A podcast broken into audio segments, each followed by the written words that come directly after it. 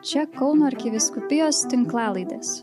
Jūs girdėsite Evangelijos skaitinį ir homiliją iš Kauno arkikatedros bazilikos. Viešpat su jumis.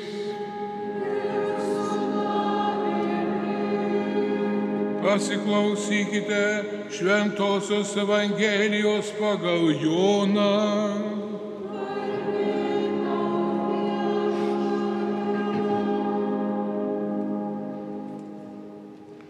Judui pasišalinus iš Velykų vakarienės būsto, Jėzus prabilo.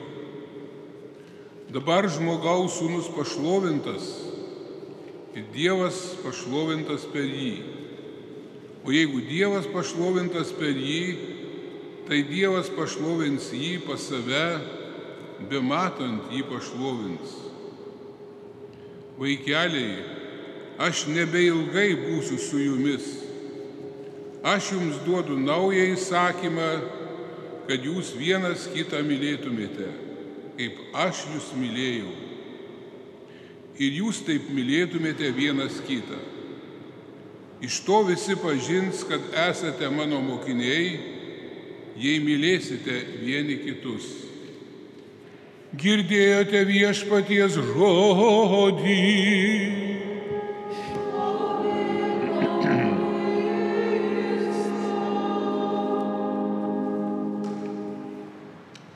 Mėly ir brangus, mes savo kasdieniniam gyvenime Velykinę nuotaiką galime palaikyti tik tai tada, jeigu Dievo ir artimo meilė tampa mūsų kasdienybė. Meilė yra tokia realybė, kurios turime mokytis įsisamoninti į jos teoriją ir praktiką, suprasdami, kad tai yra tiesa, kelias, kuris išeina iš žmogaus ir veda į žmogų, kas konkrečiai pasireiškia mūsų kasdieninių rūpeščių, pagarba vienas kitam, atsakomybę, prieimimu, vertinimu kito žmogaus, skatinimu kitiems pasišvesti. Mokytis iš meilės reiškia atrasti kažkokio naujesnio originalumo, apeliuojant ne į ką kitą, bet į patį Kristų ir labai prasmingai įsigilinant į jo šiandien Evangelijoje girdėtų žodžius. Mylėkite vienas kitą, kaip ir aš jūs pamilau. Kada visas pasaulis kalba apie meilę, turime prisiminti, kad tai esminis skirtumas yra tarp pasaulio požiūrio į meilę ir Kristaus nuorodos mylėkite vienas kitą taip, kaip aš jūs pamilau.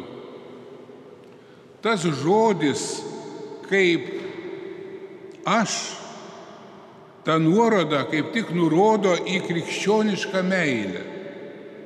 Reikia prisiminti, kad tuos žodžius, kuriuos šiandien girdėjome Jono Evangelijoje, Kristus pasakė didįjį ketvirtadienį alyvų kalno vienumoje jau prieš savo kalvarijos kančią, o tuo pačiu užtikrindamas ir prisikėlimą. Jėzus tokiu būdu kaip tik mus visus moko, kad meilės praktika dažnai yra nekas kita kaip darbas, pastangos ir kantrybė, bet tuo pačiu brangieji yra dangaus dalelytė žemėje. Pasikartoju, dangaus dalelytė žemėje tai yra meilė. Tai yra būdas jo buvimo mūsų tarpe, ko dėka mes būsime tikri, taip gyvendami, kad galėsime su juo, su viešpačiu gyventi visą amžinybę. Jei meilė nori būti kaip Kristaus, ji turi būti, kaip pats Kristus pasakė, iki galo. Tai yra gyvenimas pasiaukojančiai, nelaukiant kažkokio pripažinimo ar dėkingumo, apie tą meilę, kuria gyveno pirmieji krikščionys, labai gražiai pagonis sakydavo, pasižiūrėkite, kaip jie myli vienas kitą.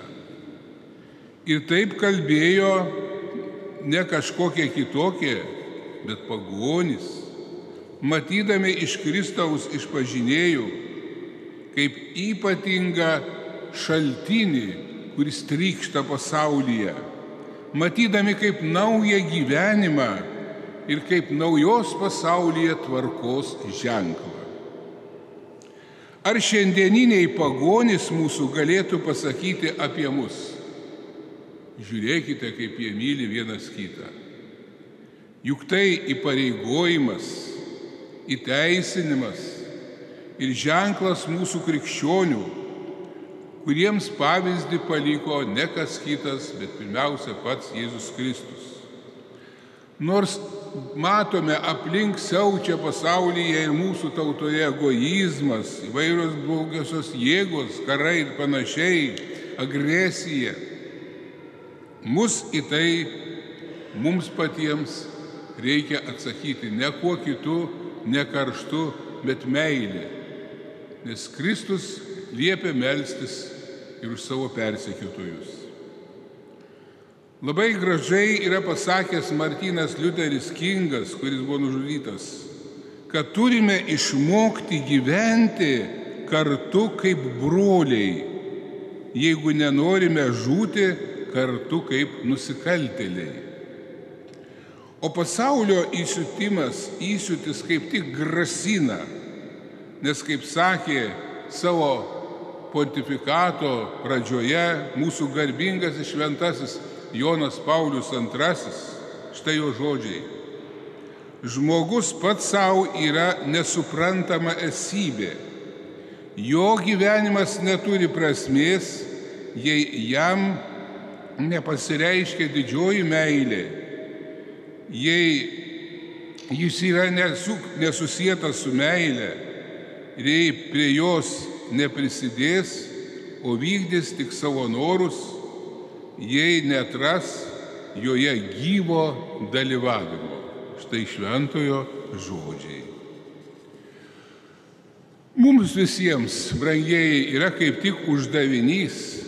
Tai kai Kristus sakė, tai naujas įsakymas, tai gyvenimo būdas ir kelias į dangų.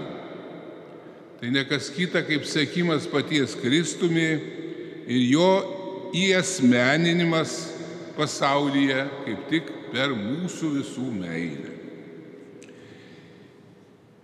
Ji gali tą meilę suteikti tai, kad Jėzus taip pat šiandien būtų mums konkrečiai matomas ir paliečiamas. Ir paprasčiausia žodžiais pasakytume, tarp mūsų ir mumyse esantis. Tai nėra lengva, bet yra galima. Skaitinys iš apaštalų darbų parodo dvi krikščioniškos meilės galimybės. Apaštalai skelbė Dievo žodį, džiaugdamiesi atliktais darbais, kuriuos jie atliko. Tačiau jie patys buvo visada tikri, kad Dievas veikia per juos. Kita krikščioniškos meilės galimybė ta, kad meilė yra išgyvenama bendruomenėje, bažnyčioje ir ji ne ką kitą, bet tikroji meilė ir stato tikrąją krikščionišką bažnyčią. Ir ji turi būti ne kas kita, bet kaip Kristaus valios vykdymas. Joje mes susitinkame savo parapijas, viskupijas, apaštalų sosto, o po Čia kalbame apie kunigus, klebonus, vyskupus, šventąjį tėvą. Jei mylime krikščioniškai, tai iš tos meilės negalime išskirti visos bažnyčios, kaip tai darė kai kurie, bandydami vaidinti kažkokius krikščionis, atsiskirdami nuo tikrosios apaštališkos bažnyčios, kurie pasaulyje yra iki šių dienų. Tai yra ne kas kita kaip melas arba, dovanokit, lyga. O galbūt, kad taip mąstantis ir taip besielgiantis elgesi statydami Dievui, ką girdime iš Senojo testamento, ir į šitą tokį Babelio tą vadinamą bokštą, tada norėjo aukščiau už Dievą pakilti. Pasaulio juk ir visos žmonijos ateitis, kaip girdėjome skaitinyje, yra nekas kita kaip šventasis miestas, apie kurį kalba girdėta šiandien apokalipsė. Tai yra naujoji Jeruzalė, to gražiu vadu vadinama. Naujais yra tie, kurie gyvai priėmė ir vykdė ne ką kitą bet meilės įsakymą. Apokalipsėje skaitome, kad Dievas apsigyvena su jais ir kad Dievas nušluostys ašaras ir nebus nei mirties, nei skundų, nei verksmo. Tai yra eschatologinė amžinojo gyvenimo vizija, bet pamokanti labai kiekvieno iš mūsų žmogų, kad žvelgiant į gyvenimą iš šių dienų pozicijos, tikrai meilė žmonėms atneša, tik meilė, harmonija, suorganizuoja kultūringą visuomenę, kuri yra pagrįsta tokia meilė, kuri yra iš Dievo, kuris pats Dievas nužengė iš dangaus. Tokia meilė yra universali ir nesuinteresuota, kuria skatinama, kad mes gyventume ne tik dėl savęs, bet kad gyventume ir dėl kitų žmonių. O tuo pačiu gyvendami ir savo vidinį pasaulį, ir žemišką pasaulį padarysime daug savesnį. Persijimkime, brangiai, tą tokią meilę. Persijimkime tuo naujoju paties Kristaus paliktuoju įsakymu, kad mylėtume vienas kitą, kad galėtume įrodyti, jog tokia meilė yra iš tikrųjų ne tik tai popierinė, filosofiškai sugalvota, bet kad tokia meilė yra iš tikrųjų galima ir kad toks naujas gyvenimas yra ne kažkokia krikščionių utopija, o realybė, kurią suteikia pats Dievas. Tad, brangieji, negesinkime savyje esančios šventos dvasios veikimo, sakydami, ai, te pasilieka, kaip ir buvo viskas anksčiau. Bet raginkime save ir kitus kad būtų viskas gyvenime naujai kūriama. Ir meilė, ir gyvenimas, ir atlygis danguje. Viskas naujai. Turėdami laiko, apie tai pamastykime.